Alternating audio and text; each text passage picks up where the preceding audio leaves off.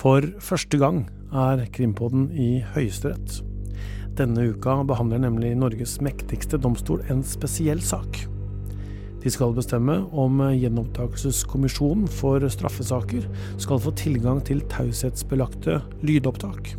Lydopptak som stammer fra rettssaken mot den tidligere politimannen Eirik Jensen og den tidligere hasjsmugleren Gjermund Cappelen. Det blir hevda at dette er lydopptak som inneholder opplysninger som kan være frifinnende i den 30 år gamle flydropp-saken. Hva er det som står på spill her, i Norges øverste domstol? Jeg heter Tor Erling Tømt Ruud, og dette er Krimpodden i VG.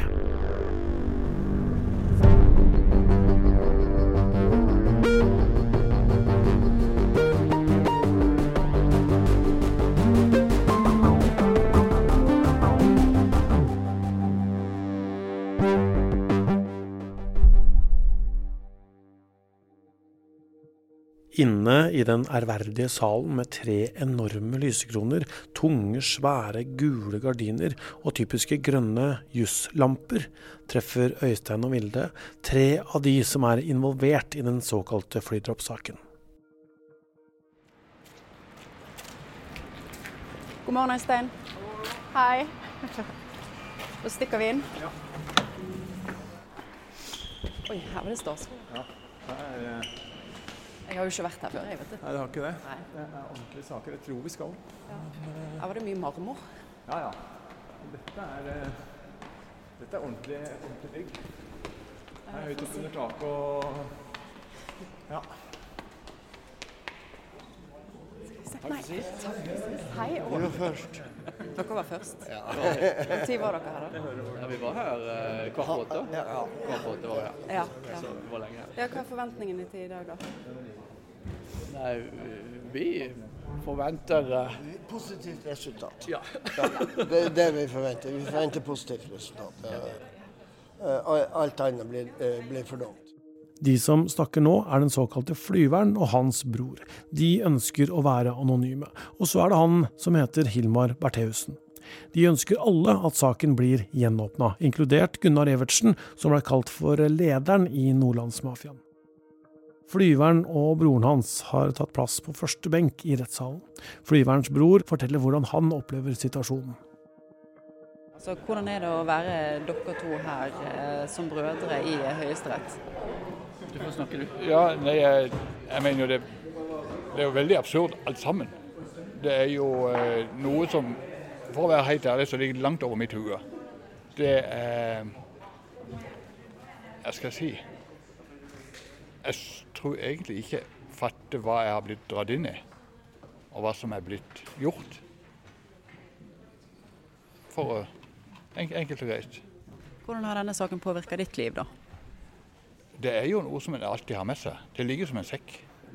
Uansett hvordan en vrir og vrenger på det, så En kan si at en glemmer det, men en gjør ikke det. Sånn å blir tatt fram med jevne mellomrom, på godt og vondt. Flydropp-saken har eh, vi i Krimpodden hatt en egen serie om, eh, som du kan høre på Podmy. Men Øystein, nå sitter jo vi i studio her. Kan ikke du kort gå gjennom hva er egentlig flydropp-saken? Jo, Flydropp-saken den starta tilbake igjen i 1993. Da var det mm, noen karer, eh, anført av Gunnar Evertsen, såkalte lederen av denne påståtte nordlandsmafiaen, som eh, dro til Nederland sammen med flere personer, blant annet Hilmar Bertheussen, som også blir knytta til denne nordlandsmafiaen. Eh, og så eh, er det jo litt diskusjon om hvem som var med og hva som skjedde videre, men Gjermund Cappelen blir jo knytta til Nederland, og har erkjent sjøl at han også var med i bil til Nederland. Formålet med den turen var å få tak i amfetamin, og så er man jo da uenig om hvordan det skjedde, og det er det denne saken handler om, og det er det vi skal snakke mer om. Men, eh, så Derfor så hopper vi over det akkurat nå. Det ble uansett hva som skjedde i foranledningen, så ble det anskaffa amfetamin. Til sammen 13 kilo, som eh, ble lasta om bord i et småfly. Eh, Da kommer to andre i denne flydroppsaken inn, nemlig en som vi kaller for Flyveren, og broren hans. Flyveren hadde leid et småfly, og på forhånd lagd en plan. Han hadde vært med på et flydropp året før, og de skulle kopiere denne planen. Og planen var ganske enkel, men samtidig ganske så spektakulær.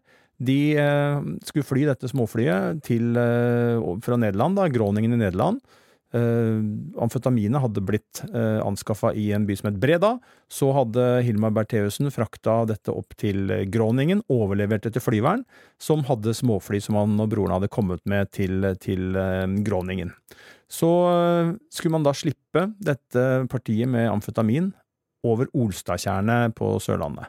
Og da hadde de kjøpt flytevester og fått tak i noe tau, og surra dette fast på denne bagen med amfetamin. På bakken så venta to eh, personer, var det vel, som eh, hadde fått beskjed om at de skulle plukke opp amfetaminer amfetaminet fra vannet, grave det ned i et hull i bakken og kjøre ut av gårde. Og så skulle jo noen da hente amfetaminet etter hvert. Dette, denne planen her fikk politiet rede på, og det er også et stridsspørsmål. Det er jo politiets rolle her. Det er to stridstemaer. En er Cappelens rolle, det andre er politiets rolle. Vi skal komme tilbake til det også, men det som i hvert fall skjedde, rent, faktisk, var at amfetaminene amfetaminet ble sluppet på Olstadtjernet, eller over Olstadtjernet, landa, landa, der, og det var da uh, to mann som venta på bakken. De eh, gravde ned som de skulle. Det var et stort hull i bakken ved en trerot som de dytta bagen nedi og hadde over jordmasser og stein, og så kjørte de ut av området. Og da begynte eh, på en måte det som er politiets åpne involvering her. Eh, flyveren og broren de ble pågrepet etter at de landa på Kjevik lufthavn. De hadde da sluppet denne bagen eh, over Olstadtjernet og flydd til Kjevik og landa. Eh, da de kom ut av flyet, ble de pågrepet. Disse to mennene som tok imot amfetaminet på Olstadtjernet, de ble stoppa i en ganske spektakulær eh, veisperring som politiet hadde rigga i stand ved Gitmark gård, som ligger i enden av den blindveien som går inn og ut til Olstadtjernet. Eh, og da var vi oppe i fire pågripelser, og så var det sånn at Oslo-politiet jakta på Gunnar Evertsen og Hilmar Bertheussen, og pågrep også dem i løpet av dagen når de skulle ut og spille noe biljard og venta på også få beskjed om hva som hadde skjedd på Sørlandet. Og så er det i tillegg da seks andre personer, det er tolv personer som ble, ble, dømt i det som heter flydroppsaken. Og da skjønte jo øh, de, de, skjønte nok ikke hva som hadde skjedd, Eh, men de skjønte jo at eh, politiet hadde hatt oppsiktsvekkende god informasjon når de kunne ta dem på fersk gjerning og med buksene nede på den måten. Ja, for de visste ikke at eh, politiet faktisk lå på bakken der ved tjernet og filma dem også? Nei, det var det som de ikke visste, og det var jo politi Dette kom jo fram etterpå. Det var jo politi er nær sagt overalt. Eh, det var politi som eh, befant seg rundt i flere posisjoner på Sørlandet for å speide etter dette flyet. Og så må jeg bare si en ting. Det er ulike versjoner og ulike opplysninger om hva som ble gjort. For dette er jo en del av en politioperasjon som har blitt forsøkt holdt hemmelig, og hvor det er ulike versjoner og oppfatninger av hva som har skjedd. Men det som politiet har bekrefta i ettertid, er jo at de hadde flere spanere ute for å se hvor flyet landa. De visste ikke hvor det skulle, påstås det, men de antok at da dette amfetaminpartiet skulle droppes eh, over et vann eller noe lignende i, i sørlandsområdet. Um, og da kan man jo spekulere om det var tilfeldig eller ikke at det var en spaner som befant seg på en høyde og fikk filma tilfeldigvis, eller ikke tilfeldigvis, akkurat da dette flydroppet skjedde. Disse bildene kan folk gå inn og se på VG.no og rundt omkring på internett og søke på flydropp, så ser man, eh, ser man at fly, småflyet kommer, og at det kommer en, en bag ut. Så ingen, ingen, var jo klar over at de skulle bli tatt. Så både for de to på Kjevik lufthavn var det et sjokk. De to som kom ut fra Olstadtjernet, som ikke hadde noe amfetamin med seg, den lå nedgravd. For dem så var det et sjokk. Uh, og det var også et uh, sjokk for Gunnar Evertsen og Hilmar Bertheussen. Og så skal jeg legge til én ting til. Eh, de to som kom ut fra Olstadtjernet, hadde jo ikke med seg narkotika, men politiet eh, satte inn en, en narkotikahund uh, etter at uh, de var pågrepet og kjørt bort. Og da fant man jo i løpet av Det var vel samme dagen, tror jeg, de fant uh, disse, eller om det var dagen etter, men de fant i hvert fall veldig fort disse 13 kiloene nedgravd ved en trerot ved Olstadtjernet. Og så nevnte du at det har vært litt uenighet om politiets rolle her. hva ligger i det? Ja, det var jo noe som kom frem etter hvert. For som jeg sa, så stussa jo flere av de som ble pågrepet over hvordan politiet kunne være så til de grader på plass. Og i starten så visste jo ikke de siktede, som de var, om hverandre, og de hadde heller ikke oversikt over bakgrunnen for hvordan de enkelte var tatt. Men etter hvert som bildet ble klart, at eh, det ble tydelig for dem at eh, politiet både hadde stått og venta på denne flyplassen på Kjevik, de hadde ligget i buskene ved Olstadtjernet ved utkjøringa der, og de hadde tatt eh, Bertheussen og, og, Evertsen, som jo ikke var i nærheten av verken stoffet eller flyet, men likevel ble pågrepet og knytta til denne saken uten at det tilsynelatende fantes noen, noen, helt åpenbare bevis på at de hadde en tilknytning, så begynte man å tenke at her er det noe som ikke stemmer. Og når jeg sier noe som ikke stemmer, så tenkte jo de i retning av at eh, de hadde en tyster, eh, at det var en politiprovokasjon, og etter hvert kom det jo også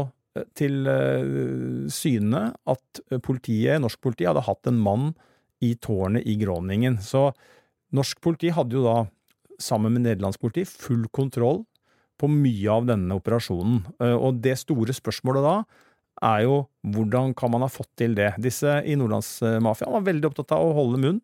Det er ofte folk som er med i en narkotikaliga, vet vi av erfaring. Og eh, de, de stilte seg jo spørsmål om hvordan i all verden dette her kunne eh, ha seg. At de hadde blitt avslørt, at politiet hadde visst så mye at de kunne være på, på skuddhold hele veien. Og så blei jo disse dømt til eh, lange fengselsdommer også, eh, men vil jo nå gjenåpne saken sin eh, til Gjenopptakelseskommisjonen fordi de mener at det er en ulovlig politiprovokasjon som ligger i grunnen her. Hva er det som er ulovlig her? Ja, det har vært en påstand om at det kan være en ulovlig politiprovokasjon helt siden denne saken gikk for retten for nesten 30 år siden, 94. Og det er jo ganske Spesielt bare for å legge til det at dette flydroppet skjedde jo i oktober 1993. Eh, Nå har vi akkurat kommet fra Høyesterett, i dag er det 8. november. Og det har gått over 30 år siden denne saken var oppe, og nå er den fortsatt da så aktuell at landets øverste dommere sitter as we speak og diskuterer hvordan de skal håndtere den saken nå. Eh, de skal snakke mer om det, men, men eh, det var jo det var et spørsmål om hvordan, hvordan eh, om, det kunne være en ulovlig politiprovokasjon. Og, og noe av det som Altså, en, en ulovlig politiprovokasjon er i all enkelthet eh, om politiet får deg til å gjøre noe som eh, straffbart forhold som ellers ikke ville funnet sted. Og så høres det ganske sånn enkelt ut, og så er det selvfølgelig også her gråsoner og eh, avveininger om eh, når den terskelen er eh, overtrådt eller ikke. Flere av disse flydroppdømte begynte jo etter hvert å kikke i retning av Gjermund Cappelen. Det er jo ikke et ubeskrevet blad. Cappelen ble jo dømt sammen med Eirik Jensen, og var jo også den som eh, serverte Eirik Jensens navn, og hevda at han eh, sto i ledetog med Cappelen når det gjaldt narkotikasmugling, og også påpekte og hevda at Jensen var skyldig i korrupsjon fordi at han hadde fått en badeoppussing og en klokke av, av Cappelen. Eh, men Cappelen dukka opp i denne flydroppsaken eh, fordi at eh, Nordlandsmafiaen, noen der, hevder at han kom på døra til Gunnar Evertsen sammen med en fyr som har blitt kalt for lederen av Finnmarksligaen, som Evertsen kjente fra før. I 93 så hevder Evertsen at disse to, altså Cappelen og lederen av Finnmarksligaen, kom på døra hans og tilbød han amfetamin, og at det var oppsparket til det som ble flydroppsaken. Flere av forsvarerne til Nordlandsmafiaen hevder jo at det er stor sannsynlighet for at det er en ulovlig provokasjon. Noen mener at det er bevist også, eh, helt opplagt at det er en ulovlig provokasjon, eh, fordi at eh, norsk politi og eller Cappelen, at Cappelen da opptrådte på vegne av politiet, står bak anskaffelsen av amfetaminet. Og det vil jo da si, for å bruke litt enklere begrep, at de mener at dette flydropp, hele flydroppoperasjonen som endte med at de ble tatt, eh, droppet over Olstadtjernet, det hadde aldri kommet til å skjedd hvis ikke da norsk politi og eller Cappelen, som eh, da handla i så fall på vegne av norsk politi, hadde stilt disse eh, kiloene med amfetamin til disposisjon. Og det er det den saken handler om, og det det kommer til å koke ned til til slutt.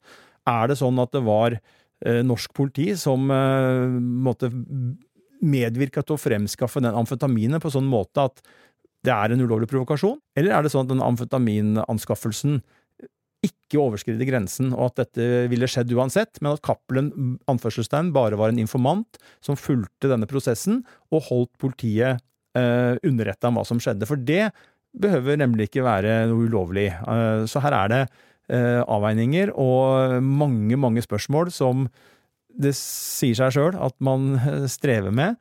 Det ene er jo faktum om hva som skjedde i flydroppsaken, hvilken rolle man hadde, og så er det jussen da i forhold til det som har vært i Høyesterett nå.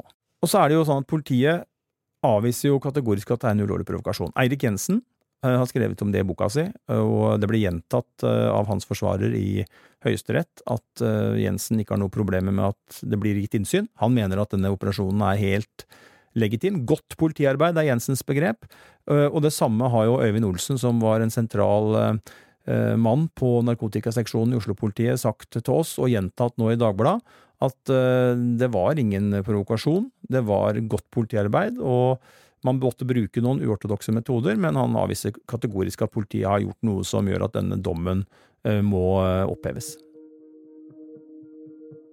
Ok, Øystein. Nå er vi altså i Høyesterett. Det er mange kjente aktører. Kan ikke du si litt om hvem det er som faktisk er her inne i dag? Jo, det er jo da sånn at både påtalemyndigheten og flere forsvarere for de dømte i flydroppsaken er her. Og I tillegg så er forsvarerne til Eirik, eller noen som forsvarer Eirik Jensen er her, og også en av forsvarerne til Gjermund Cappelen. De har jo ulike roller. Fra påtalemyndigheten så, så stiller eh, førstestatsadvokaten, Lars-Erik Halfheim, og så er det nestlederen i Spesialenheten som er på plass. Eh, og så er det Morten Kjensli som eh, er en av advokatene. Mette Yvonne Larsen prosederer Gunnar Evertsen sin sak. Når det gjelder Kjensli, så er han advokaten til både Hilmar og flyveren, og, og broren til flyveren. og så er det da sånn i Høyesterett at det er ingen av de dømte eller tiltalte eh, som var tiltalt, som får lov å si noe, eller de får si noe til slutt, men de er ikke en del av, det er ikke en del av forhandlingene som vi er vant til fra retten, hvor det er eh, en som er sikta eller tiltalt, sitter ved siden av forsvareren sin, må inn i boksen, forklare seg, avgi forsikring og alt det som vi har sett i vanlige rettssaker. Sånn er det ikke i Høyesterett. Her er det veldig eh, juridisk tungt stoff man, eh, og prinsipielle ting man snakker om, og det er da fem høyesterettsdommere som sitter og lytter og stiller spørsmål til de partene som vi var, var innom. Vi må snakke om hva Høyesterett er. Enkelt forklart er det den øverste domstolen vi har her i landet. Høyesterett utgjør sammen med Stortinget og regjeringen landets øverste statsorgan, og er en del av maktfordelingsprinsippet som du lærte om i samfunnsfagen. Og det Høyesterett da skal ta stilling til, er om Gjenopptakelseskommisjonen skal få tilgang til et uh, lydopptak som ble gjort av den lukkede delen av rettssaken mot Eirik Jensen og Gjermund Cappelen. Der var det en uh, lukka rett uh, en stund der, hvor ingen fikk være, men det ble tatt opptak der. Og der ble det sagt noe som de hevder da kan få påvirkning for flydroppsaken. Ja, det hevdes jo fra Jon Christian Elden at det er sånn. Han var jo, som mange vil huske, forsvareren til Eirik Jensen i Jensen-Cappelen-saken, og, og, etterpå så har han overtatt forsvareransvaret for Hilmar Bertheussen i da flydroppsaken. Og i 2022 så skrev Elden et brev til kommisjonen hvor han uh, meldte at han hadde sett, hørt uh, ting bak lukkede dører Eh, da flydroppsaken var eh, tema i eh, straffesaken mot Jensen, som han mente kommisjonen må få vite om, fordi at det kan være frifinnende, eller i hvert fall bidra til at saken blir gjenåpna. Så Elden tilkjennega en sånn uro for at noen var uskyldig dømt, og det er vanskelig å tolke han annerledes i det brevet enn at han peker i retning av at det kan ha vært en eh, ulovlig politiprovokasjon. Og så har jo da Gjenopptakelseskommisjonen prøvd å få innsyn i dette lydopptaket, men har fått avslag da helt fram til lagmannsretten, og nå vil jo da eh, forsvarerne og, og, den delen til de dømte da i flydroppsaken eh, prøve dette for Høyesterett, og det er derfor dette går her nå. Ja, dette er, eh, det er komplisert eh, og litt nyansert, fordi at eh, kommisjonen ba jo, eller begjærte innsyn i disse opptakene overfor lagmannsretten. Og så avviste lagmannsretten å gi innsyn. Og da kunne kommisjonen ha anka dette til Høyesterett. Det gjorde forsvarerne til de dømte, men kommisjonen valgte da å ikke gjøre det. Og det høres litt rart ut, vil noen nok si, at når kommisjonen først er av den oppfatning at man mener at disse opptakene, de trenger vi, vi sitter med et mulig justismord, vi skal utrede det, og kommisjonen eh, bør jo, og skal jo, være interessert i å opplyse en sak så mye som mulig. Og i det så ligger det at du skal ha tak i all den informasjonen som du tenker at vil være relevant. Eh, og man har jo da definert at man vil ha den, eh, det opptaket fra Cappelen Jensen-saken. Så får man nei da i første eh, instans, som var lagmannsretten i dette tilfellet, fordi at det var der, det er der opptakene ligger. De opptakene som det ble snakka mest om, for det har jo vært tema i alle sakene, men det er den siste runden, 2019-rettssaken, hvor det ble snakka mest om flydroppsaken bak lukka dører. og Det er derfor kommisjonen vil ha disse opptakene, og ikke noen av de to andre rettssakene. Og så anka ikke kommisjonen, og Derfor, men Høyesterett tok da inn anken til forsvarerne, og det er grunnen til at vi har stått to dager, eller sittet to dager i retten nå.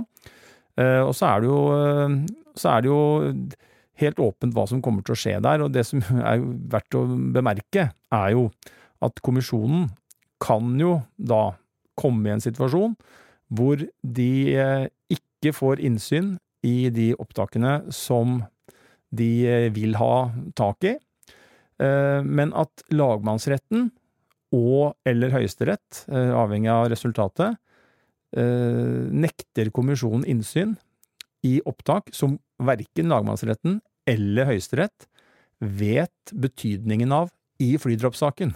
Jeg skal forklare det litt mer. Fordi at verken lagmannsretten eller Høyesterett har jo noen innsikt i kommisjonens arbeid. Det skal de ikke heller. Eh, så hva kommisjonen sitter på av eh, vitneforklaringer, eh, avhørene fra 1993 i flydroppsaken, eller alle dokumentene i flydroppsaken fra 1993, vet verken dommerne i lagmannsretten eller de fem dommerne i Høyesterett noen ting om. Så, så, det er jo ett av flere mulige utfall her, er jo at to rettsinstanser nekter innsyn, at kommisjonen får innsyn, uten at de to som har avgjort det, Eh, instansene som har avgjort det, vet hva som ligger der. Eh, så det er en veldig, veldig spesiell situasjon der. Og så er det jo noen andre prinsipper her òg, da. Fordi at eh, et, en lukka rett der er det taushetsbelagt. Det skal ikke ut. Det som blir sagt der, blir sagt kun til retten. Det er det ene hensynet. Og så det andre hensynet er jo da Kan man da oppklare et justismord ved å høre disse opptakene? Ja, det er jo to svært, svært uh, spesielle hensyn som står mot hverandre, og det er jo ingen av de som har vært i retten som mener at uh, selv om de argumenterer for det ene hensynet, så mener, jo ikke, mener de ikke at det andre er uviktig. Uh, og det, vi har jo hørt, sjelden hørt at advokater er så samstemte om at dette er en prinsipiell veldig viktig og også vanskelig sak. Det er en problemstilling som man aldri har vært borti før, og det Høyesterett nå kommer med av en avgjørelse, kan jo bli en en rettesnor uh, senere for tilsvarende problemstillinger. Det har jo vært aktører som har sagt også at de mener at lovgiver ikke har sett for seg den situasjonen som man nå står i i denne saken, nemlig at uh, et påberopt justismord i en sak, uh, der kreves det innsyn i en lukket del av en annen sak, og at den lukkede delen, det som kom fram der, kan ha en avgjørende betydning for å opplyse da den saken hvor man hevder at det har vært et justismord, altså flydroppsaken. Uh, og så er det jo hensyn som står mot hverandre, fordi at Gjermund Cappelen han forklarte seg jo i, i 2019, og de forutsetningene han ble presentert for i retten da, var lukkede dører og uh, taushet om det som ble sagt, til evig tid. Alle som var i salen da, ble jo uh, ilagt spesielle taushetserklæringer som de måtte akseptere. Og, og, forutsetningene for at ja, at hele tatt Cappelen forklarte seg, var jo det. Han kunne jo ha valgt å ikke forklare seg. Uh, og det kunne han, hadde han kanskje gjort hvis det var sånn at han visste det som skjer nå. Det er jo innvendingene uh, mot, eller noen av innvendingene mot å uh, gi kommisjonen tilgang. og så er det jo selvfølgelig et, nytt spørsmål som melder seg, og det er jo, som har vært diskutert mye også, det er jo om kommisjonen Er det verre å gi kommisjonen tilgang til disse opptakene, enn at det sitter eh, rettsbetjente, folk fra Spesialenheten, forsvarere, meddommere, dommere Nå vet ikke jeg hvor mange som var i rommet eh, da Cappelen forklarte seg om flydroppsaken, men det var et visst antall. Eh, og så er jo vært satt på spissen i Høyesterett nå om er det ja, men er ikke, vil ikke de som sitter i kommisjonen være like trygge, sikre på at ikke de vil spre det videre? Og det er det jo delte oppfatninger om, ikke fordi man mistror de i kommisjonen, men fordi man frykter en utvanning. Og så er jo neste spørsmål igjen, er jo hva som skjer hvis saken blir gjenopptatt, og påtalemyndigheten enten må velge å kaste korta i flydroppsaken og påstå frifinnelse, som vi så i Viggo Kristiansens sak, eller gjøre det motsatte, som de har gjort i tidligere gjenåpningssaker, gå for en ny hovedforhandling med full bevisføring. Og hvis det siste blir tilfellet, så vil jo helt sikkert forsvarere, i hvert fall, øh, hevde at de må få inn i den bevisføringa det Gjermund Cappelen sa bak lukka dører i 2019. Og da, hvis det skulle skje, så er jo den taushetsløftet, det taushetsløftet som han fikk, da er det utvanna, og da står man overfor en vanskelig situasjon. Det er jo det som fryktes blant annet fra påtalemyndigheten. Det er ikke alle advokater som kan møte i Høyesterett.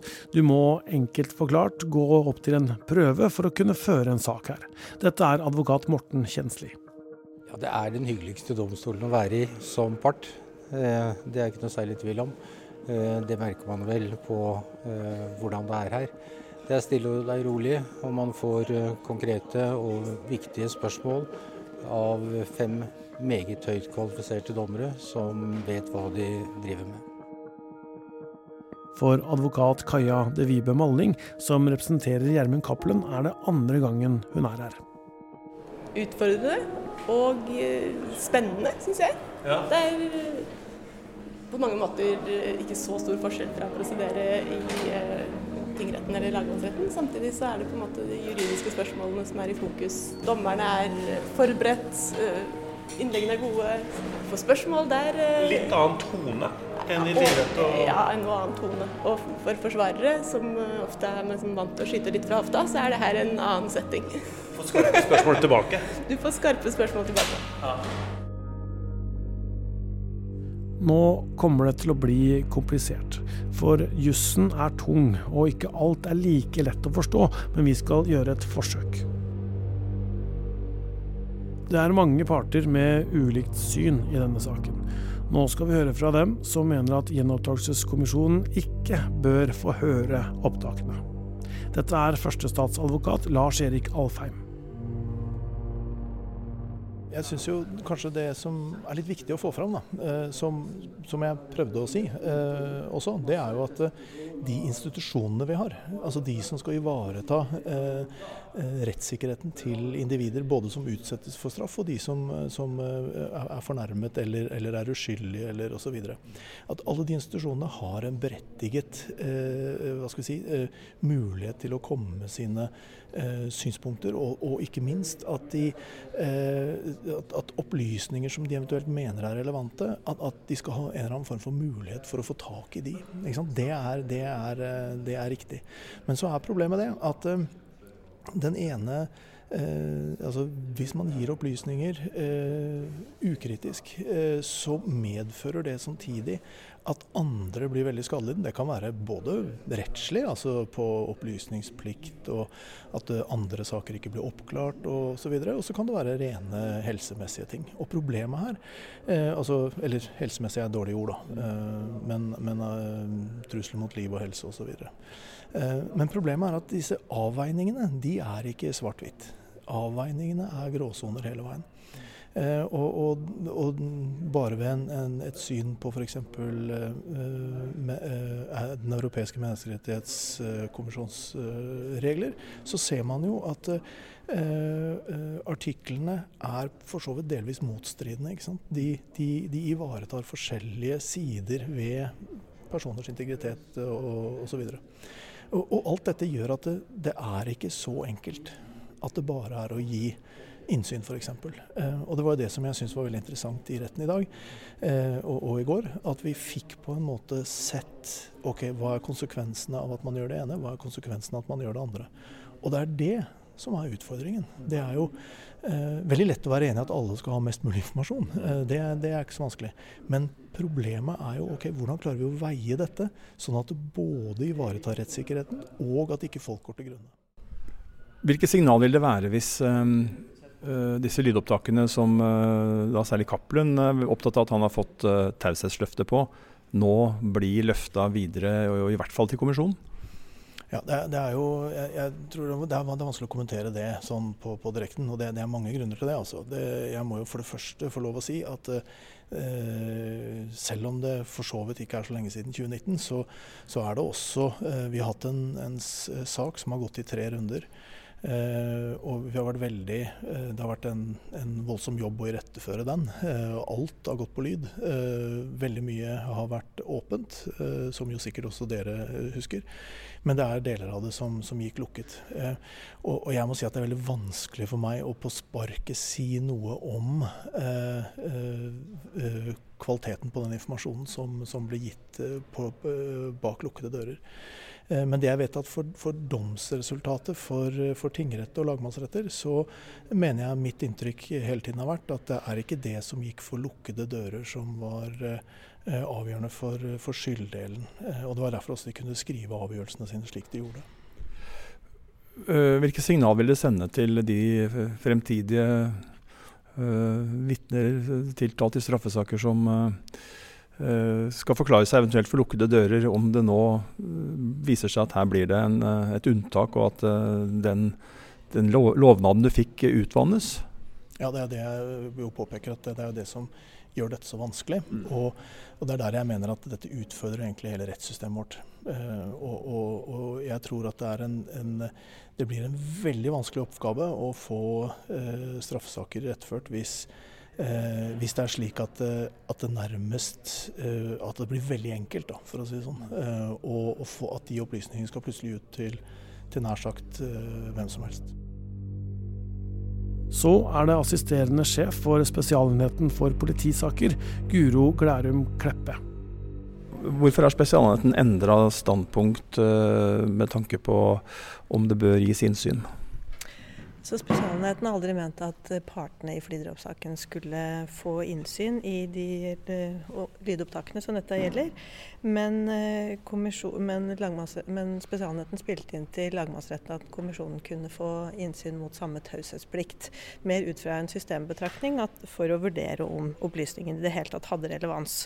Men etter å ha fått avgjørelsen fra Eh, lagmannsretten så er Spesialenheten enig i eh, den begrunnelsen de har gitt. Eh, at er disse opplysningene man, De opplysningene som kommisjonen er interessert i å få, de kan de gå direkte til kildene som fins.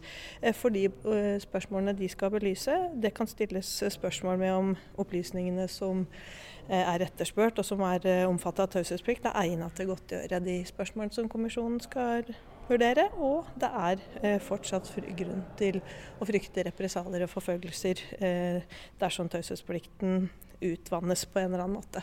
Og så I tillegg så viser lagmannsretten til en del ganske eh, vanskelige spørsmål knytta til det å skulle håndtere disse opplysningene som, eh, som står ubesvart, og eh, som da gjør at vi faller ned på det vi har prosedert for Høyesterett her i dag.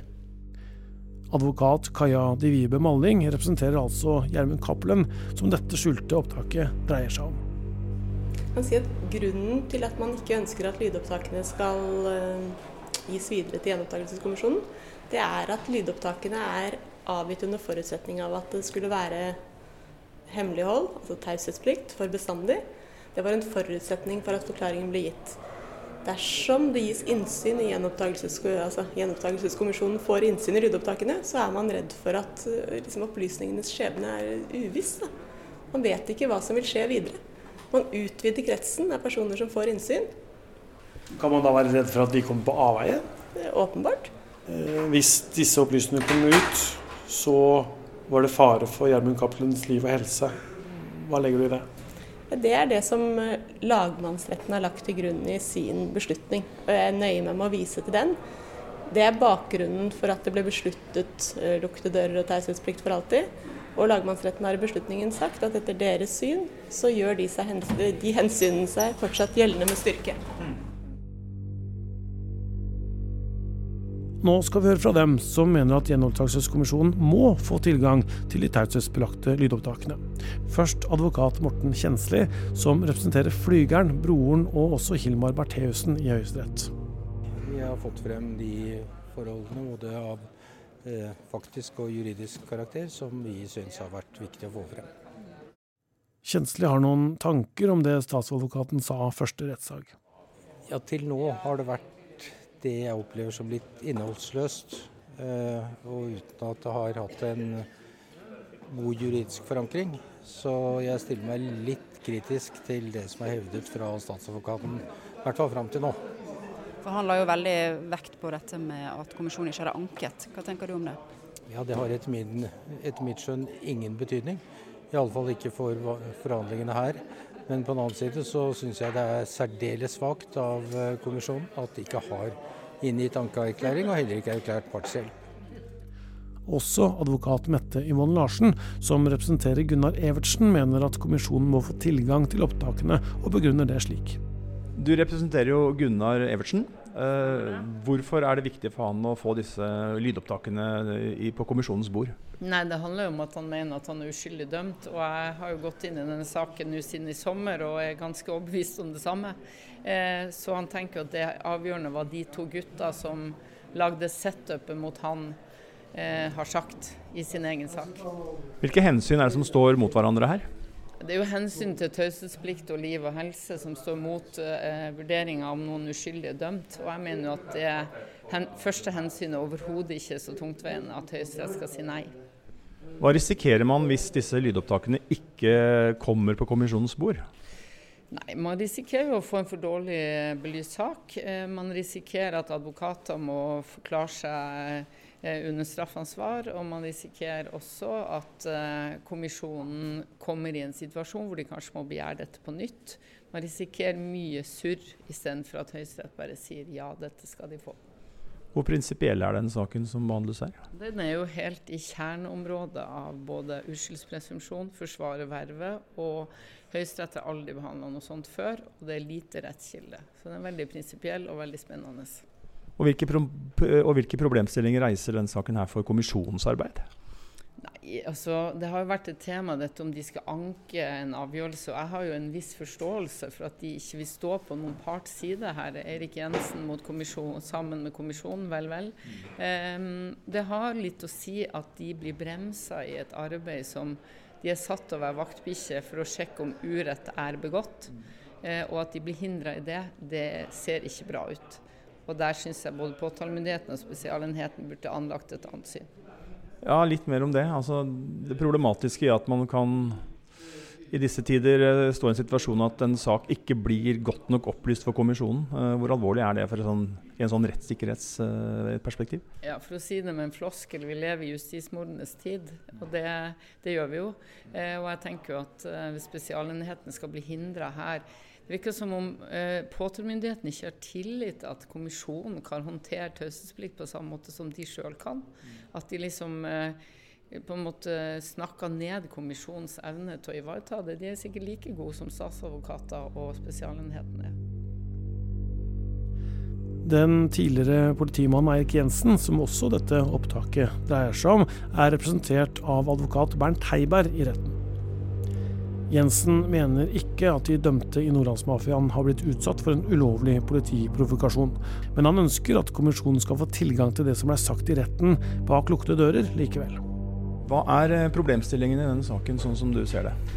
Og dette er uh, kryssing av to verneverdige hensyn. Uh, det ene er å sørge for at Gjenopptakelseskommisjonen har så godt grunnlag som overhodet mulig for å avdekke og reparere justismord på den ene siden. og så hensynet til liv og helse på den andre siden. Det er, det, er, hovedproblemstillingen som Høyesterett skal, skal, ta stilling til. Du representerer jo Eirik Jensen. hvordan tenker dere at denne floka her som Høyesterett nå skal behandle, bør, bør løses? Vårt syn er nok at uh, når det først er kommet uh, anklager om ulovlig politiprovokasjon, så er det viktig at riktig informasjon kommer opp. Uh, og at gjenopptakelseskommisjonen kan, kan, kan, komme til den konklusjonen som Jensen også deler, at her er det ikke snakk om politiprovokasjon, her er det snakk om godt politiarbeid som avslørte en narkotikaliga. men det er viktig at de får innsyn i hva som er sagt. Jensen har ingenting å skjule, og det bør ikke de andre aktørene i denne saken heller ha.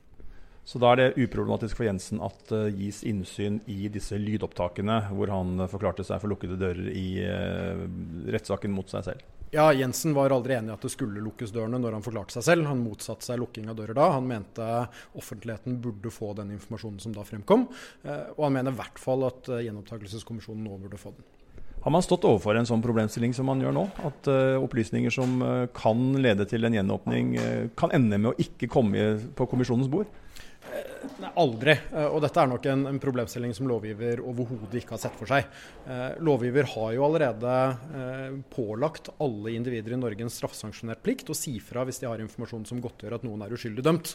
Eh, og det fremstår absurd at lovgiver på den ene siden skal straffe folk for å ikke si fra, på den andre siden si at, eh, at gjenopptakelseskommisjonen ikke skal få denne informasjonen fra borgertinglagene sitt.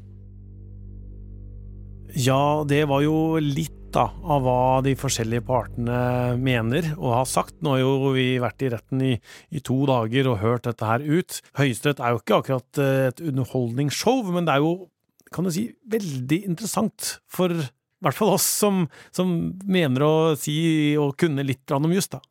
Men det er jo veldig spesielt eh, å være i Høyesterett, og man, man, blir jo grepet av den høytideligheten som er der. Det er noe helt annet å være der enn å være i en vanlig rettssal.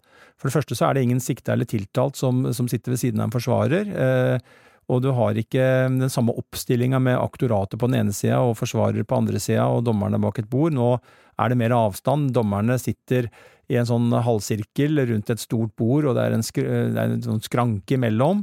Eh, og så står da parten liksom Eh, rett mot dommerne. Nesten litt sånn eh, Ikke på tiltalebenken sjøl, men de står jo litt sånn i rett, eh, for å bruke et forsvarsbegrep som noen kjenner, i hvert fall. De står mer sånn skolerett? Ja, de, ja de, de, står litt sånn, og du hører på hvordan de sier Hvis dommeren i Høyesterett spør om noe, så er det veldig sånn eh, svar som du Det oser respekt av. Eh, det har jeg ikke tenkt på, jeg skal komme tilbake igjen til. Det var et meget godt spørsmål, dommer Arntzen. Eh, altså det er, det er, noe med den samtaleformen som er spesiell, og merka meg også med en annen ting at det er jo det som jeg, Det er jo en ansatt i Høyesterett som jeg lurer på om kan være utrederen. Eh, nå blir jeg sikkert arrestert hvis det ikke er det, men, eh, men det er i hvert fall en, en, som er der inne i rommet, og som sørger for at dørene blir lukka før pausen er slutt. Når, når pausen er slutt, går bort til døra inn til dommerne. Svær, diger tredør bak da dommerpanelet, for å kalle det det. Eh, og banker da på eh, denne døra og venter et par sekunder og åpner opp og sier at nå er det klart. Så kommer dommerne ut, og da er det helt knyst i salen. og eh, du merker at du er i landets øverste domstol, og at de dommerne som sitter der, både har en veldig spesiell stilling, men også forvalter noe av det viktigste i, i rettssamfunnet vårt, da, nemlig treffer de avgjørelsene som har stor betydning, som er prinsipielle, Eh, og, og, og skaper eh, eh, det som kalles presedens, altså skaper en, en, en, hva som er gjengs i, i, strafferett, og også sivile saker. Nå var vi i en strafferettssak, men det har jo også sivile saker i Høyesterett, selvfølgelig. Men når du har sittet der da og slukt det som har blitt sagt fra denne skranken, da, hva har du, hva har du liksom Hvilke tanker har du nå?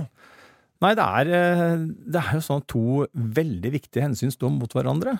Eh, det er lett å argumentere for at alt som kan bidra til at et eh, mulig justismord blir avdekka, må på bordet. Koste hva det koste vil, er nær sagt.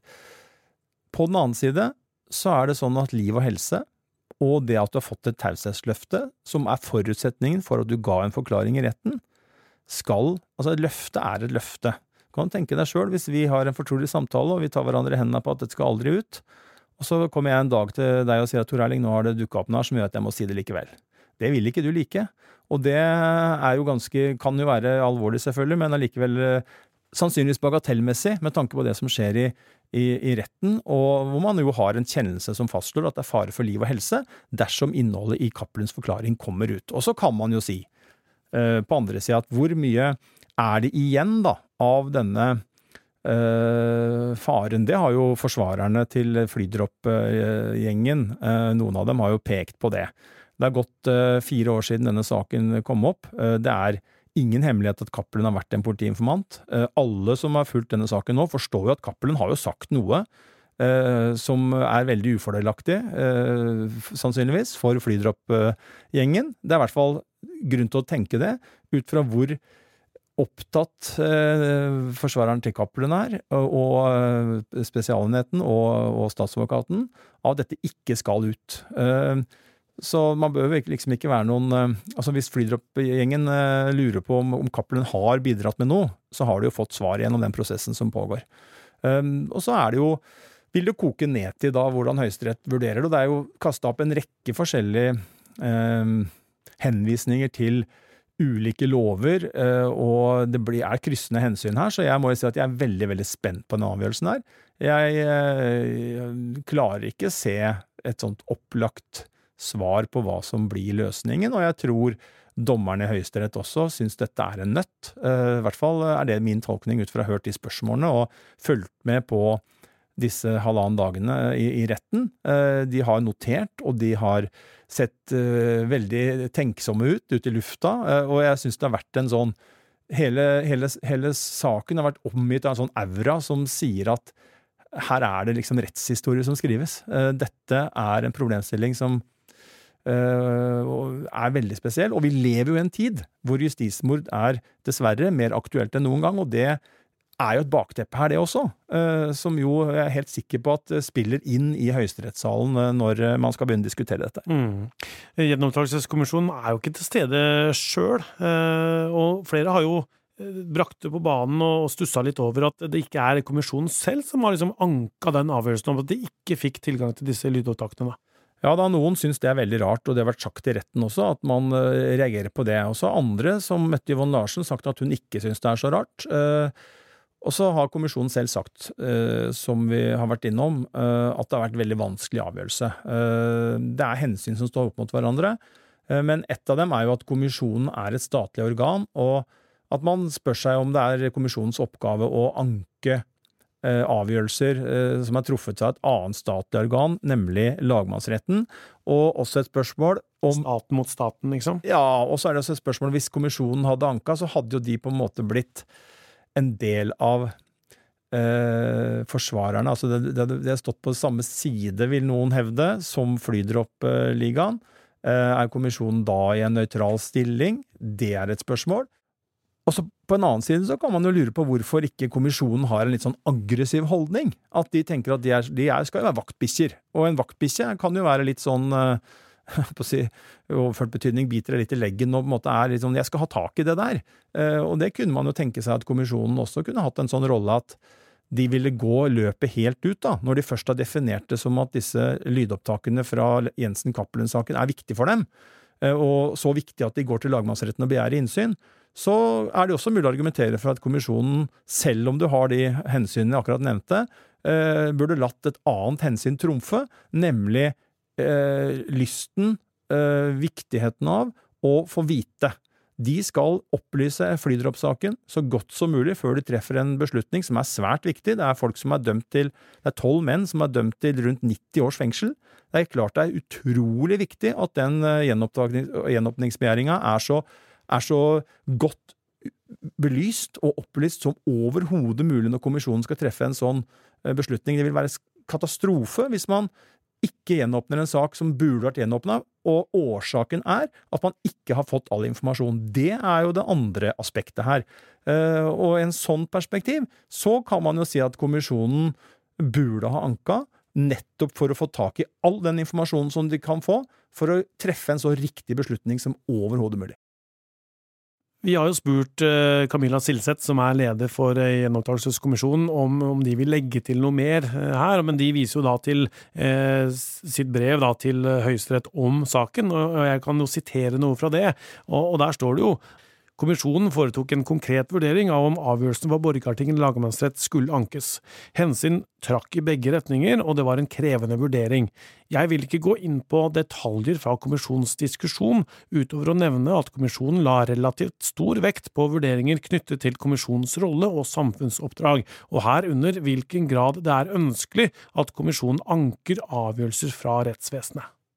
Ja, det var jo det vi var inne på, men, men da med litt eh, andre og mer formelle ord. Ja, fordi kommisjonen skriver også Gjenopptakelseskommisjonen ønsker fortsatt å få innsyn i opplysningene som fremgår om flytropsaken i de taushetsbelagte lydopptakene, bare så det er klart. Og så skriver de også Uten visshet om hva som fremkommer i lydopptakene, er det vanskelig å vurdere hvordan disse vil bidra til å opplyse saken. På grunnlag av det som har blitt hevdet om lydopptakene, og det vi vet om sakene vi har til behandling i kommisjonen, vurderer jeg det likevel som sannsynlig at lydopptakene vil kunne få betydning for kommisjonens behandling av sakene. Ja, og da blir det jo igjen, eh, for å sette det på spissen, en veldig rar situasjon hvis kommisjonen skulle ende opp med å måtte ta en avgjørelse i flydroppsaken uten å vite hva som ble sagt i uh, Jensen-Cappelen-saken om, uh, om, da flydroppet. Uh, og den situasjonen kan oppstå, og som jeg var inne på i, tidligere, det kan også være, eller det kommer til å i så fall være sånn, at de instansene som sier nei til at kommisjonen skal få disse opplysningene som de så gjerne ønsker, de kjenner ikke til hvordan Eh, eller hva viktigheten av disse opplysningene er for kommisjonen, for det vil være en lagmannsrett og en høyesterett som ikke kjenner flydroppsaken, som eventuelt sier nei. Så dette er en svært, svært delikat problemstilling som jeg eh, må si jeg er spent på eh, hvordan kommer til å utvikle seg videre.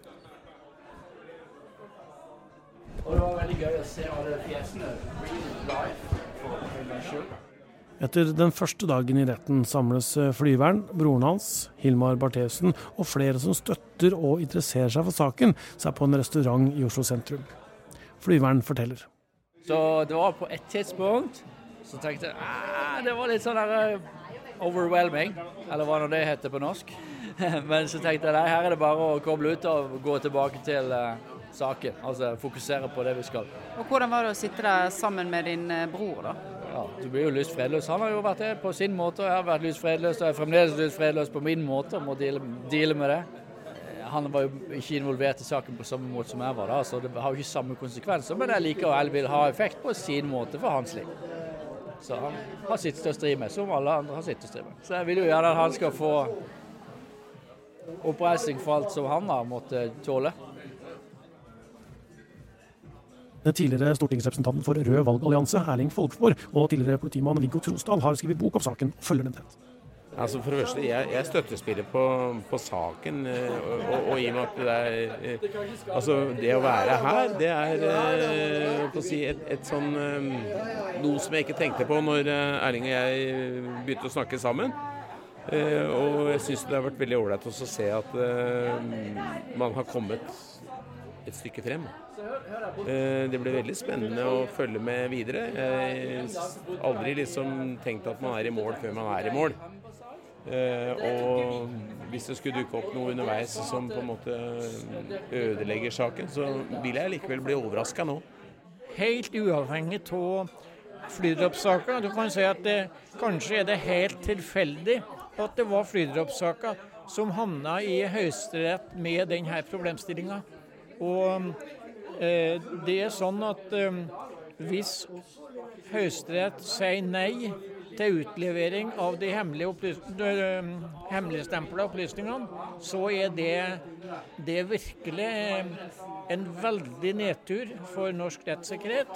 Og så er det sånn at hvis Høyesterett sier at de her, de her hemmeligstempla opplysningene de skal gis til gjenopptakingskommisjon, så er det et veldig pluss for rettssikkerheten. Avgjørelsen om gjenopptakelseskommisjonen får tilgang til de taushetsbelagte lydopptakene eller ikke, skal tas i løpet av to uker. Hilmar Bartheussen, som er dømt i flydroppsaken, har gjort seg opp noen tanker etter to dager i Høyesterett. Eh, det, er mye juss. Det er masse paragrafer og masse som ikke jeg forstår. Jeg forstår ingenting av det, for å si det sånn. Noe forstår jeg jo selvsagt, men Jeg syns det er viktig å følge denne saken helt i mål. Og dette er en del av prosessen som, som jeg føler er viktig å få med seg i, i, i hele sammenhengen. Den, denne saken, det, det, det, som diskuteres her nå i Høyesterett, har ikke bare prinsipiell betydning for Flydrup-saken. Den har jo prinsipiell betydning for masse folk fremover også, som det blir snakket om i retten, som har blitt uskyldig dømt i Norge.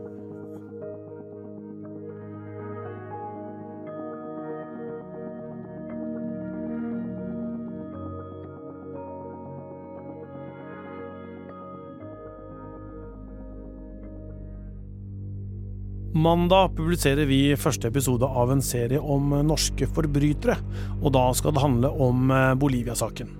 Det var vel en sak som du dekka, Tor Erling? Ja, jeg var i Bolivia flere ganger. Den siste gangen nesten en måned, og jeg møtte de tre jentene som blei arrestert der, ikke sant, pågrepet for narkotikasmugling. Vi blei faktisk, hvis du husker det, askefast i Bolivia. Det var vulkanutbrudd på Island som gjorde at all luftfart over Atlanterhavet blei stoppa. Det husker jeg godt. Jeg satt trygt her i Oslo og ble ikke ramma, men, men du kom deg hjem? Ja, i likhet med to av de norske jentene, så kom jo jeg også hjem til Norge igjen. Men ei har jo da blitt igjen i Bolivia. Og det er hun vi får møte på mandag, hvis du har abonnement på Podmy eller hører oss via VG+. Det er produsent Vilde Våren og Øystein Milli som har fulgt flydroppsaken. Simon Lynhaug, Hanna Espevik, Ruth Einvold Nilsen jobber også i Krimpodden. Jeg heter Tor Erling Tømtrud, og nyhetssjef er Emilie Halltorp.